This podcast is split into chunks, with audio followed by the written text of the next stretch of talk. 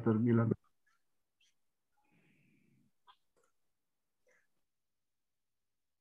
Dobro, hvala lepa. Lep večer vsem skupaj in hvala za vabilo, da nekaj povem na to temo. Uh, mogoče nekatere presenetil prvi del naslova, ki mi je bil dan, torej od mule do papeža. Tisti, ki že poznate Ignacija, ste takoj razumeli, zakaj gre, ostali boste pa razumeli, upam, vse kakšno stvar med tem, ko bom govoril. Tudi beseda razločevanje mogoče ni vsem tako domača, pa bo tudi to vsaj malo bolj jasno, upam, na koncu. Kot pri drugih duhovnih avtorjih v krščanskem izročilu, se tudi pri Ignaciju Lojolskem tako imenovano razločevanje duhov začne in krepi v življenjski izkušnji. Torej, ne gre za nekaj, kar bi se lahko naučili iz knjig. Knjige lahko sicer pomagajo, ukolikor nas bolj odprejo za življenjsko izkušnjo. Še posebej tistih, ki imajo več izkušnje. Vedno pa gre za osebno duhovno izkušnjo, za oseben odnos tako z Gospodom, kot tudi z drugimi ljudmi. Pa se z Ignacijem sprehodimo skozi nekatera obdobja njegove življenjske zgodbe in se ustavimo ob nekaterih vidikih njegove izkušnje razločevanja duhov. Potem pa še ob tem, kako jih poda v svoji knjižici duhovnih vaj. Sveda se ne bomo ustavljali ob vseh, ampak samo ob nekaterih vidikih. Kot vemo, je mladi Inigo, kot se je takrat imenoval, se je imel za kristjana, kot je bila večina ljudi takrat krščenih, ampak je bil gotovo še daleč od tega, da bi živel s Kristusom ali v Kristusu.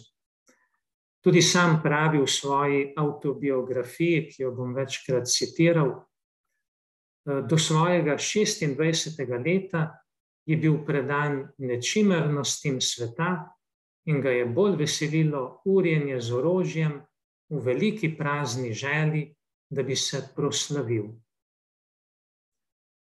Prvič se je resno začel spraševati v smislu življenja, prav v enem zelo težkem zanj dogodku. Ko je bil v bitki s francozi v Pamploni, to je nekje v Španiji, ko je bil hudo ranjen in je kome preživel.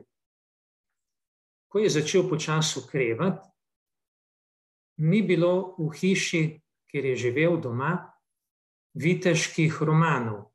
To je bilo tisto, kar je običajno rad bral in ob teh romanih sanjaril, kaj vse bo storil, da bo kakšno lepo punco prdobu.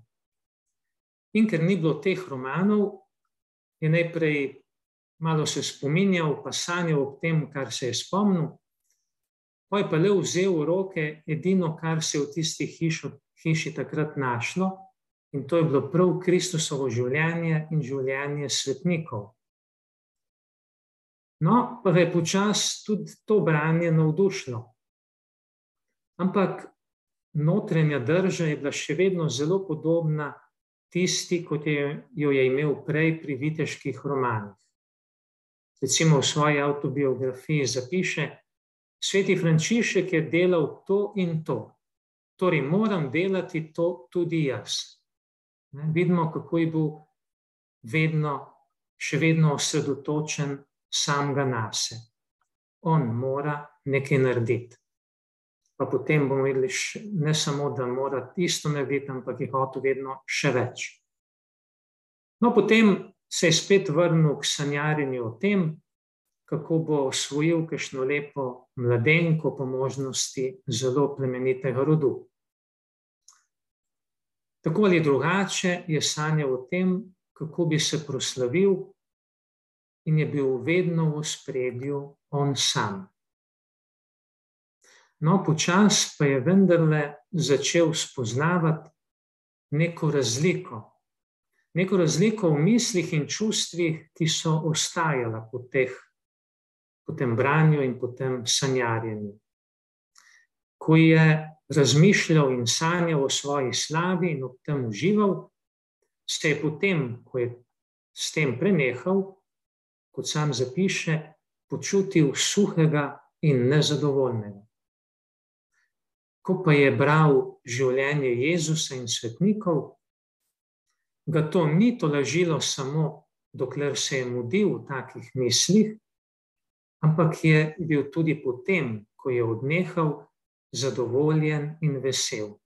Tako je sam zapisal. In prav ta izkušnja je bila začetek njegovega razločevanja duhov in tudi temelj vsega nadaljnega razločevanja in eh, tudi tega, kar je pozneje povzel v knjižici duhovnih vaj.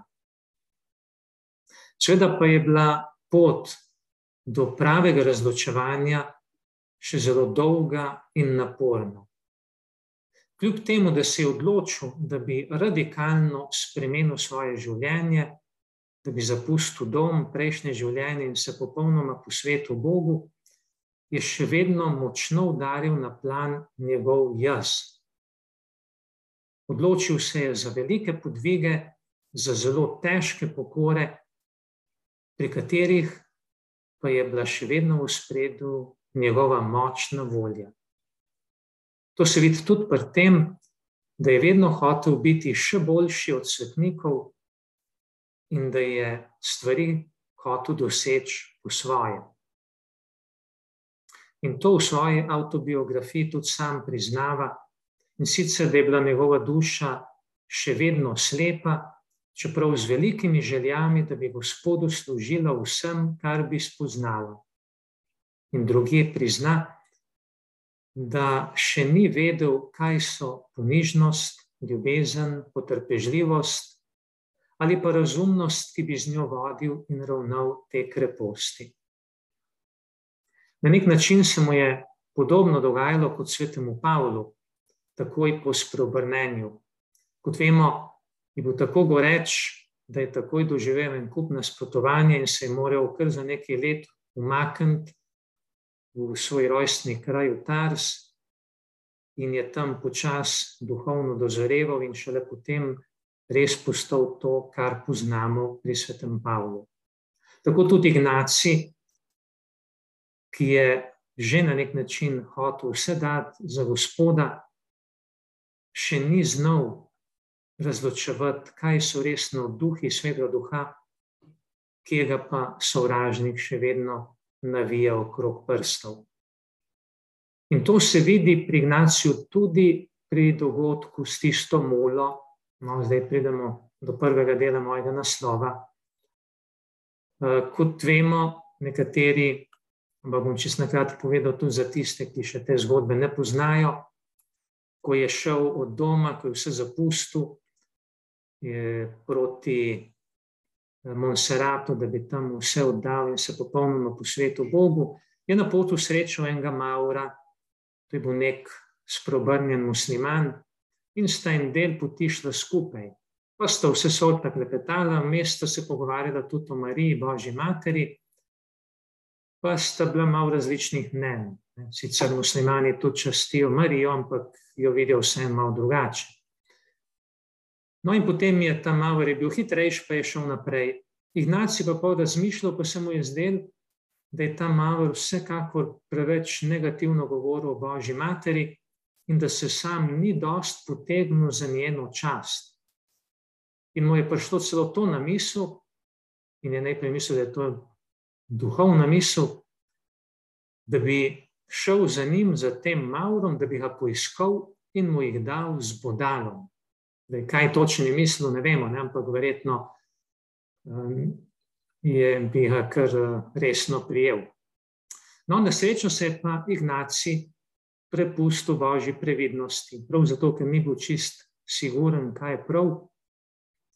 Pa je rekel, pa pustim te le muli, kam bo ona šla po poti. On je sicer vedel, katero smer je zavil, katero smer je šel tam avr, ampak je rekel, ko bo na razpotju, bom pustil, da boš na mola po tisti poti, upam tam, kamor bo Gospod navdihnil. In dejansko mola je šla ravno v drugo smer, kot je šel prej Maver, in tako sta bila oba rešena. Maver, kišne hude rane ali pa celo smrti, Ignaci pa tudi težkega greha. No, v tem primeru se vidi, kako je po eni strani še vedno taval v svojih mislih in čustvih, odločitvah, po drugi strani pa je počasi se prepuščal tudi božji previdnosti.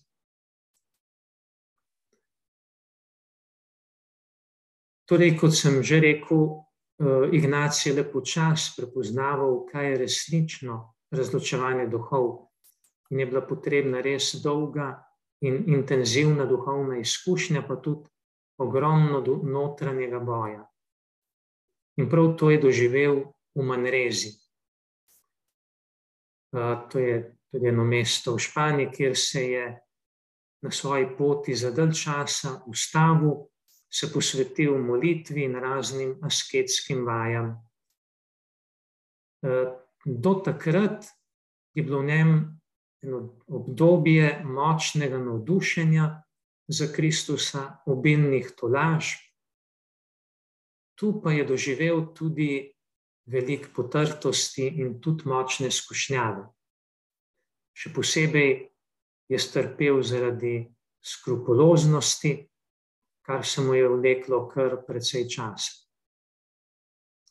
No, in tukaj je tudi še v marsičem pretiraval, v kakšnih asketskih vajah, ampak počasi je vendarle začel bolj odpirati svetmu duhu in je počasi se učil razločevanja. Polagal mu je opustil nekatera pretiravanja, Ena od stvari je to, da si ni strigel las in da tudi nohtov, ne, zdaj ne vem, kakšen je točen bil, vsekakor je počasi zastopil, da je to nikamor ne gre. Tudi poste je delal hude in se je tudi zdravje kar nekaj pokvaril. Osvobodil se je počasi tudi te skrupuloznosti in je počasi le prepoznaval, katere izkušnja, izkušnje in katera videnja, ki jih je imel kar nekaj, so od dobrega, katera pa so od hudega duha ali pa od sovražnika človeške narave, kot ga sam večkrat imenuje. Odkrival je počasi tudi prefinjenost tega sovražnika, ki se preobleče v tako imenovanega angela luči, ki daje to lažbo, ki se zdijo, da so od Boga, ampak se pozneje, čez dalj časa, izkaže, da so lahko velika prevara in to se njemu kar nekaj krat dogajalo. No, v tem času je imel tudi, kot sem že omenil, razna videnja in drugačne izkušnje, neka notranja razsvetljenja, ki so ga notranje zelo obogatila in utrdila, med njimi tudi zelo znan dogodek v reki Kardoner, o katerem pravi, da so se mu začele odpirati oči razuma in mu je bilo dano razumevanje in spoznavanje mnogih stvari, tako duhovnih stvari, kot stvari vere in znanosti. Zgodilo se mu je, da se mu je razum tako razsvetlil, da se mu je zdelo, kot bi postal drug človek in bi dobil drug razum, kakor ga je imel prej. Tako zapiše v autobiografiji. In prav v tem razsvetljenju lahko vidimo delovanje svetega duha, kateremu se je odslej vedno bolj odpiral in ga je to močno utrdilo v veri, v ljubezni, tako do Boga, kot do sočloveka. Po tej dragocevni izkušnji v Manrezi je počasi začel tudi vedno bolj pomagati drugim ljudem. Sam je bil predvsej uh, sam na tej poti, čeprav je sem pa tja srečal kakšnega dobrega spovednika, pa tudi s kakšno drugo duhovno osebo je počasi uspel se srečati, zato je tudi to iskanje bilo daljše. Pa so pa vedno bolj ljudje prihajali k njemu na pogovor nekatere je začel spremljati v duhovnih vajah ali pa na duhovni poti vsakdanjega življenja. In prav pri tem, in tudi zato, ker je njemu to manjkalo, se je vedno bolj zavedal pomembnosti duhovnega spremstva. Torej, da človek v tem iskanju ni sam, ampak da mu kdo pomaga. No, o tem pa tukaj ne bi kaj več govoril, ker vem, da bo nekdo drug za mano čez par tednov kaj več spregovoril o tem, se pravi o duhovnem spremljanju. Potem je počasi Ignaci tudi začel zbirati okrog sebe nekatere tovariše, prijatelje, ki so imeli isto željo ostati skupaj in na kak način služiti Bogu. Eh, tudi so se učili skupnega uh, iskanja Božje volje. Sveda je bilo potrebno, da je vsak sam se utrdil v veri in v duhovni izkušnji, da so potem lahko tudi skupaj iskali Božjo voljo. Tudi tukaj bi bilo zanimivo kaj več reči, ampak bi bilo spet potrebno kakšno daljše novo predavanje. Mogoče bo kdo več o tem kdaj povedal. Ignaci se je gotovo dobro zavedal teh darov, ki so jih on in njegovi tovariši prejeli od Gospoda. In prav zaradi tega, ker se je v njem izostril ta duhovni čut, je počasi tudi bolj opažal, katere so bile stran poti v cerkvi, tudi v cerkveni hierarhiji, tudi pri samem papežu, ki kot vemo, ali pa pri papežih tiste dobe, ki niso bili najbolj zgledni. In gotovo je bila pri njem in pri njegovih tovariših skušnjava, da bi skušali vodstvo cerkve prepričati v njihovih stran poteh in v pravilnost tega, kar so sami prepoznavali pred Gospodom.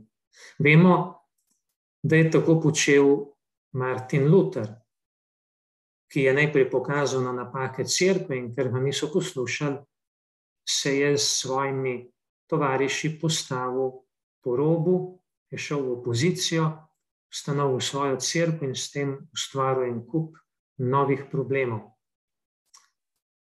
Ignaci pa kljub temu, da je videl iste probleme in mogoče še več, ni hotel crkve prenavljati nekje od zunaj, v eni opoziciji, ampak jo je želel prenoviti od znotraj, oziroma je želel, da bi jo sam sveti duh prenavljal. In seveda zato je želel ljudem pomagati do globlje duhovne izkušnje. Že v času študija v Parizu ko se je začel bolj resno srečevati in povezovati s temi svojimi tovariši, se je skupaj z njimi odločil in naci, da če ne bi mogli iti v Jeruzalem, kamor so najprej želeli, so se odločili, da bi se izročili Kristusovemu namestniku, da se jih posluži tam, kjer bo menil, da bodo v večjo božjo čast in korist duš, kot je sam zapisal. Torej, želeli so se dati na razpolago papežu, kot tistemu, kateremu je zaupano vodstvo katoliške cerkve. Sveda je Ignacio dobro vedel, da cerkve ne vodi nek človek, tudi če je papež, ampak jo vodi nebeški oče po Kristusu in v svetem duhu. Obenem pa je Ignacio zaupal, da se ta očetova volja lahko razodene tudi preko človeka, in tudi če ni najbolj svet in najbolj zgleden, kot je menda veljalo za tedanjega papeža.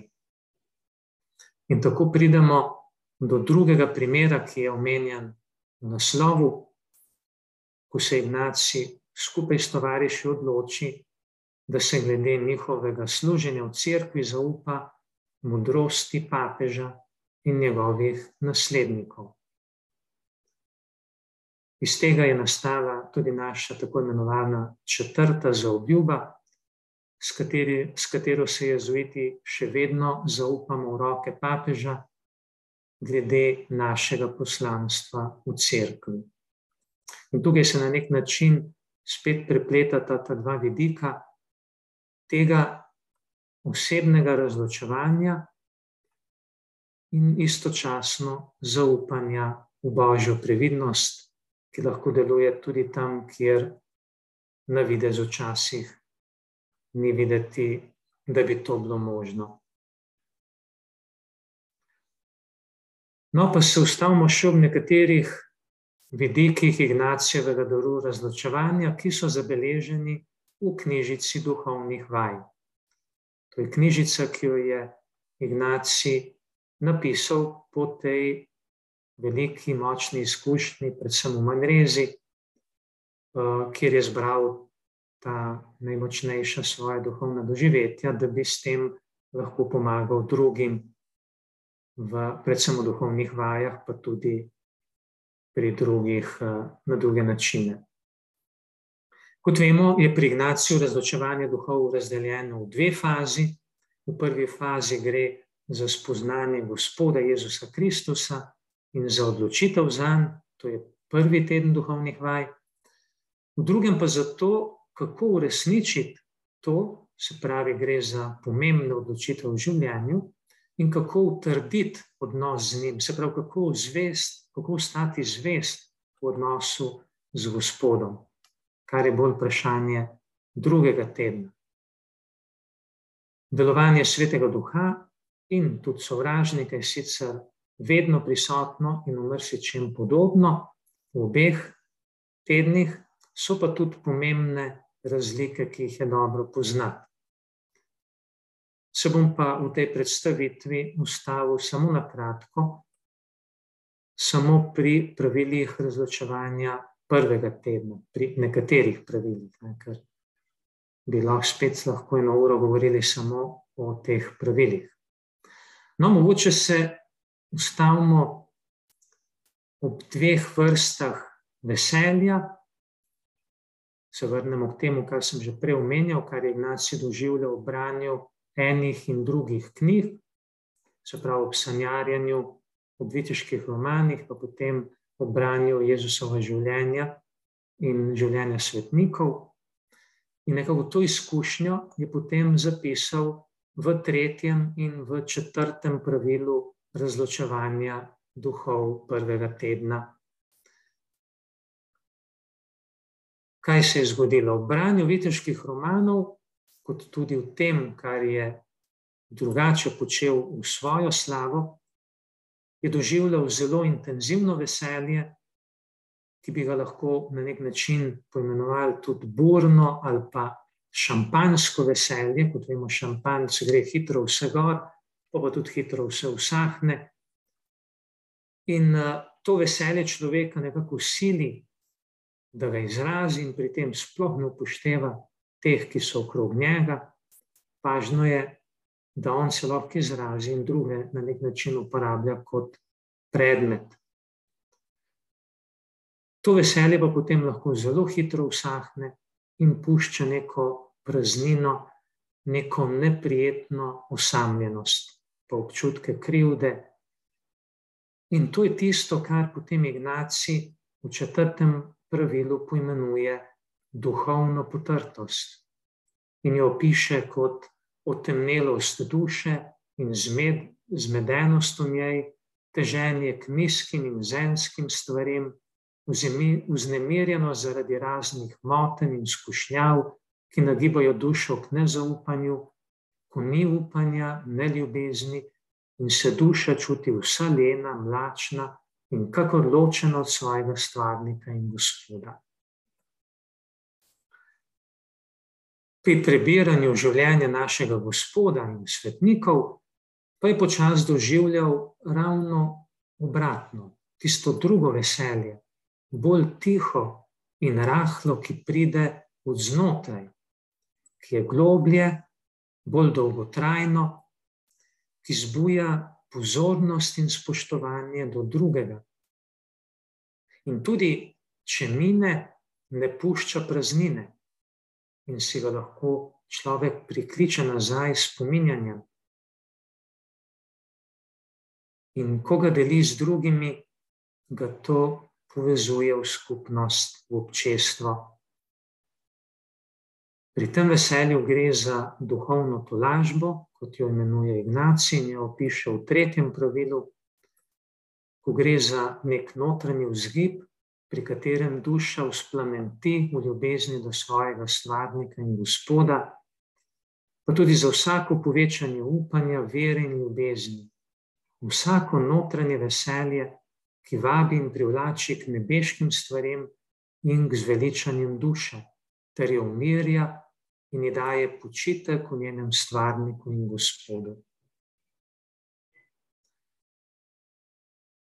Seveda pa pri razločevanju duhov niso pomembna le čustva in z njimi povezane misli, ki se prebujajo, ampak predvsem notranja usmerjenost, o čemer pa govorita prvi dve pravili.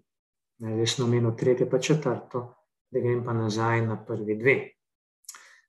Razločevanje se namreč dogaja nekje na meji, če lahko tako rečemo, med duševno in duhovno razsežnostjo človeka. Po eni strani opazujemo misli in čustva, ki so bolj stvar duše, obenem pa odkrivamo, odkot prihajajo in predvsem, kam nas usmerjajo. To je pa bolj duhovna razsežnost. Če bi se namreč ustavili le pri duševni razsežnosti, torej ob mislih in čustvih, nas ta lahko zelo hitro zapletejo, zapeljejo na stran pot da si moče pomagamo, če pomislimo na to, kako, kdaj človek doživi to lažbo in mir.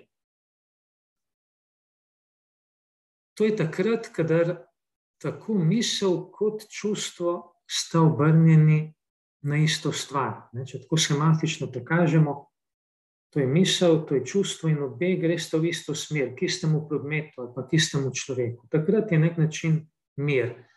Ko pa čustvo gre v eno smer, misel gre pa v drugo, jaz nekje me zelo nekaj čustveno potegne, razumsko pa počasi razumem, da to ni dobro, to ustvarja v meni nek nemir. In seveda, zdaj, če bi bil človek pozoren samo na čustvo, bi se človeku zdelo pomembno, da pride do to lažbe, torej da se osvobodi potrtosti in nemiru in bi skušal nazaj razum potegniti nazaj. Važno, da šel pride do miru, kot nekateri pravijo, da je to lažen. Ampak, če pri tem ne gledamo, kam smo usmerjeni, se lahko zelo, zelo prevaramo. In če je ta usmerjenost, če, če v tem primeru sem usmerjen na sebe, potem je potrtost v nekem smislu dobra, ker me zbudi, je edina možnost, da potem počasi se tudi s čustvom usmerim drugam. Uh, in zato je ta uh, potrtost lahko nekaj zelo dobrega, ker mi da možnost, da se sploh lahko spreobrnem in počasi obrnem k Bogu in tudi k sočloveku. Torej, če bom na nek način ustrajal v dobrem, v duhovnih vajah, kljub temu, da sem potrt zaradi nekega nemira trenutnega, bo prej ali slej prišla tudi neka duhovna tolažba, ki potem se lahko tako z mislijo kot čustvom usmerim na Gospoda in bo prišla tolažba, ki bo globlja od tiste kot prej, se pravi tisto drugo, tiho, globoko veselje. Če pa ne dopustimo, da pride do tega nemira in hočemo tako iti nazaj, potem takega človeka ne hote potrdimo v eni lažni tolažbi, zgolj čutni, ki ga lahko še naprej utrjuje na slabi poti in bo celo mislil, da je na dobri. Torej, Ignaci se je dobro zavedal, da pri razločevanju ne gre samo za vprašanje misel in čustev, za to lažbo ali potrtost, ampak predvsem za notranjo usmerjenost, kam sem usmerjen ali bolje, komu. In v globini nekje sem dejansko lahko usmerjen samo ali na sebe, tudi če sem lahko moče drugemu, ampak ga uporabljam samo zase. Lahko tudi z, mislim, da sem z Gospodom, ampak sem dejansko samo sam seboj. Druga možnost je pa, se dejansko obrnem drugemu, ki je lahko tako Gospod, kot tudi drug človek. V tem, kako pri vsem tem deluje ta dobri in hudi duh, kar sem čisto na kratko že povedal, govori Ignacij v prvem in drugem pravilu razločevanja duhov. Bi se bilo zanimivo še več ustaviti, ampak tudi tu gremo raje naprej, da ne bo prepozno. Torej, ne gre najprej za to, da sem v miru ali v potrtosti, ampak kam sem usmerjen. Ali sem še vedno v sebi, ali pa sem že v odnosu z drugim, z Gospodom. Pri tem pa je spet lahko ena zanka, ko nekateri govorijo, da so zelo z Gospodom, pri tem imajo pa težave v odnosu z ljudmi. Ne gre samo za to, da sem z Gospodom, z Jezusom Kristusom, ampak gre za izkušnjo bivanja v njem, v njegovem telesu, ki je crkva. Torej, gre za občestvo. Vemo, da Jezus Kristus v svojem smrtnem stajanju ni več prisoten med nami, tako kot je bil prej, 2000 let nazaj, ampak je prisoten v svojem telesu, ki je crkva, torej smo mi, občestvo vernih. To se vidi zelo jasno že pri Janezu, ki pravi v prvem pismu, da kdo pravi, da ljubi Boga, pa ne ljubi svojega brata, je lažnivec. Torej, tako močno pokaže, kako je odnos z Gospodom nujno povezan s odnosom do sočloveka. In tudi to se zelo močno vidi pri Euharistiji, ko svetega duha ne kličemo le na kruh in vino, da postaneta telo in kri našega Gospoda, ampak tudi, da pride na nas in da nas naredi za eno v Kristusu, da postanemo eno telo. Biti z Gospodom pomeni tudi poglobiti odnos z drugimi ljudmi, s tistimi, s katerimi živimo v družini, v skupnosti, v župni ali pa kjerkoli. Torej, pravo razločevanje duhov je mogoče samo, če imamo izkušnjo življenja v občestvu z drugimi, drugače pa je lahko zelo nevarno, da se prevaramo in mislimo, da smo že z Gospodom, pa smo lahko samo s svojimi misli in čustvi. Potem sicer se vidi, da Ignaci ne govori tako jasno in izrecno, pa vendar se iz njegove celotne misli da razbrati, da ne gre za nek intimističen odnos z Gospodom, ampak da gre res za eno crkveno državo. To se vidi iz pričevanja njegovega življenja, ko je vedno se trudil, da bi pomagal ljudem. Se vidi v tem, da je ustvaril skupnost, družbo Jezusovo, da govori o prijatelji, prijateljih v Gospodu in še na mnoge druge načine. Pa se, ko gremo počasi že proti koncu, vprašajmo še, koliko je v svoji izkušnji razločevanja duhov Ignaci bil originalen in koliko se je naučil iz krščanskega izročila pred njim, težko je reči. Meni je veliko pomagal pri tem pater Tomaš Špidlik, ki je napisal eno knjigo Ignaci Lojolski in vzhodna duhovnost, vodilo k branju duhovnih vaj. Vemo, da je uh, pater Tomaš Špidlik bil velik poznavalec vzhodne krščanske duhovnosti in je pokazal, kako se je Ignacij v mrsičem navdihoval tudi in verjetno predvsem v duhovnih avtorjih krščanskega vzhoda. Ali pa je vsaj pri njih našel potrdilo za to, kar je sam spoznaval v svoji duhovni izkušnji. Težko je reči, koliko jih je Ignacij poznal, gotovo pa je bral besedila, v katerih so bila prisotna tudi pričevanja teh vzhodnih duhovnih očetov. Sicer je bil Ignacij že v času tako imenovane moderne dobe, ki se je počasi oddaljila od nekaterih hodnikov vzhodnega krščanskega izročila, kljub temu pa je gotovo še bral knjige, ki so še vsebovala tisto celotno krščansko izročilo, vzhodno in zahodno. In Špidlik, ki dobro pozna tako Ignacija kot vzhodne duhovne avtorje, je v prej omenjeni knjigi pokazal, da je večina pravil razločevanja duhov, o katerih piše Ignacij, že prisotna pri številnih spisih krščanskega vzhoda. Ne omenjam samo nekatere avtorje, ki so bolj znani kot Evagri, Kasijan, Diadok iz Fotike, Dorotej iz Gaze, Teodor Studit, Izak Sirski in še drugi, verjetno vam niso prav veliko znane ta imena, pa vendar. Uh, nekatera Ignacijeva pravila lahko skoraj dobesedno najdemo v spisih nekaterih od teh avtorjev. Med njimi so naprimer tisti dve pravili, v katerih Ignacij uporablja podobo lažnivega ljubimca in podobo poveljnika ali vojaškega stratega. To sta 13. in 14. pravilo ignacijanskega razločevanja, zaprav eh, pravil razločevanja duhov v duhovnih vajah. Ti dve pravili sta zelo podobni kratkim prepovedim, pripovedim puščavskih očetov.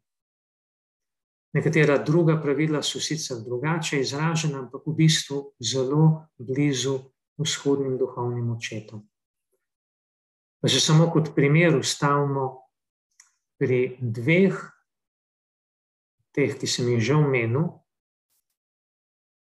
V vzhodnem meniškem izločilu je naprimer zelo poudarjen pomen razodevanja misli duhovnemu očetu, še posebej tistih misli, ki motijo To, naprimer, z veliko odločnostjo ponavlja Dorotej iz Gaze, pa tudi Teodor Studit.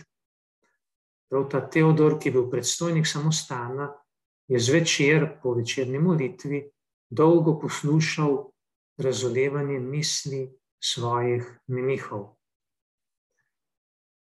Tudi Ignacij spodbuja k podobni drži, ko predstavi podobo tega lažnega ljubimca, ki kot pravi, želi ostati skrit in noče, da bi ga spoznali. In slabim namenom nagovarja in zapeljuje hčer dobrega očeta ali ženo dobrega moža, da njegove besede in prišepetavanje ostanejo tajno. In temu je zelo neprijetno, če odkrije hči svojemu očetu ali žena možu njegove lažne besede in njegove zlobne namene ker si lahko misli, da ne bo mogel več doseči, kar je začel. Tako piše Ignacij in na zelo podoben način to predstavi, predstavi vzhodni duhovni avtori. Pa še drugi primer. Vzhodni menihi so zelo ustrajali na tem, da skušnjava pride od zunaj, ne iz notranjosti, iz človekovega srca. Pri tem sovražnik kot pišeta Evagri in Kasjan, skrbno vohuni za človekom, da bi odkril njegove šibke točke in ga napadel prav tam, kjer je šibak. Podobno pa Ignacij v 14. pravilu pravi, da vojskovodja opazuje moč in položaj trnjave, da jo naskoči z šibkejše strani in kjer nas najde bolj slabotne in bolj revne glede zveličanja, tam nas napada in skuša premagati. Kar pa je pri Ignaciju novega, je med drugim to, da je bogatstvo dotedanjega duhovnega izročila strnil in povezal v priročno duhovno metodo, kot so duhovne vaje, ter kot njihov sestavni del pravila razločevanja duhov.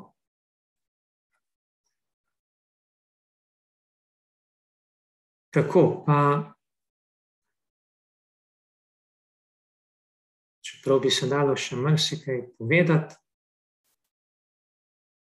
se mi zdi dobro, mogoče samo še to omeniti, da sem ob knjigi Patra Špidlika razumel tudi, da lahko danes tudi na robe razlagamo Ignacija, če tega izročila ne poznamo. To je lahko še toliko bolj nevarno, če so nam zelo blizu sodobna spoznanja psihologije in raznih družbenih ved, ki so sicer zelo dragocena za globlje spoznavanje Ignacija, njegove izkušnje in misli, in tudi glede razločevanja, lahko pa nas tudi zavajajo, če kot podlago našega soočanja z Ignacijem vzamemo neko metodologijo psihologije ali pa sociologije. Že apostol Pavel je namreč zelo jasno povedal v prvem pismu Korinčanom, da se duhovne resničnosti lahko presojajo samo na duhoven način. Žal se nam lahko danes, ko smo pod velikim vplivom teh znanosti, lahko kdaj zgodi, da pri soočanju z duhovnimi resničnostmi sledimo bolj neki psihološki ali sociološki metodologiji, kot pa res duhovni.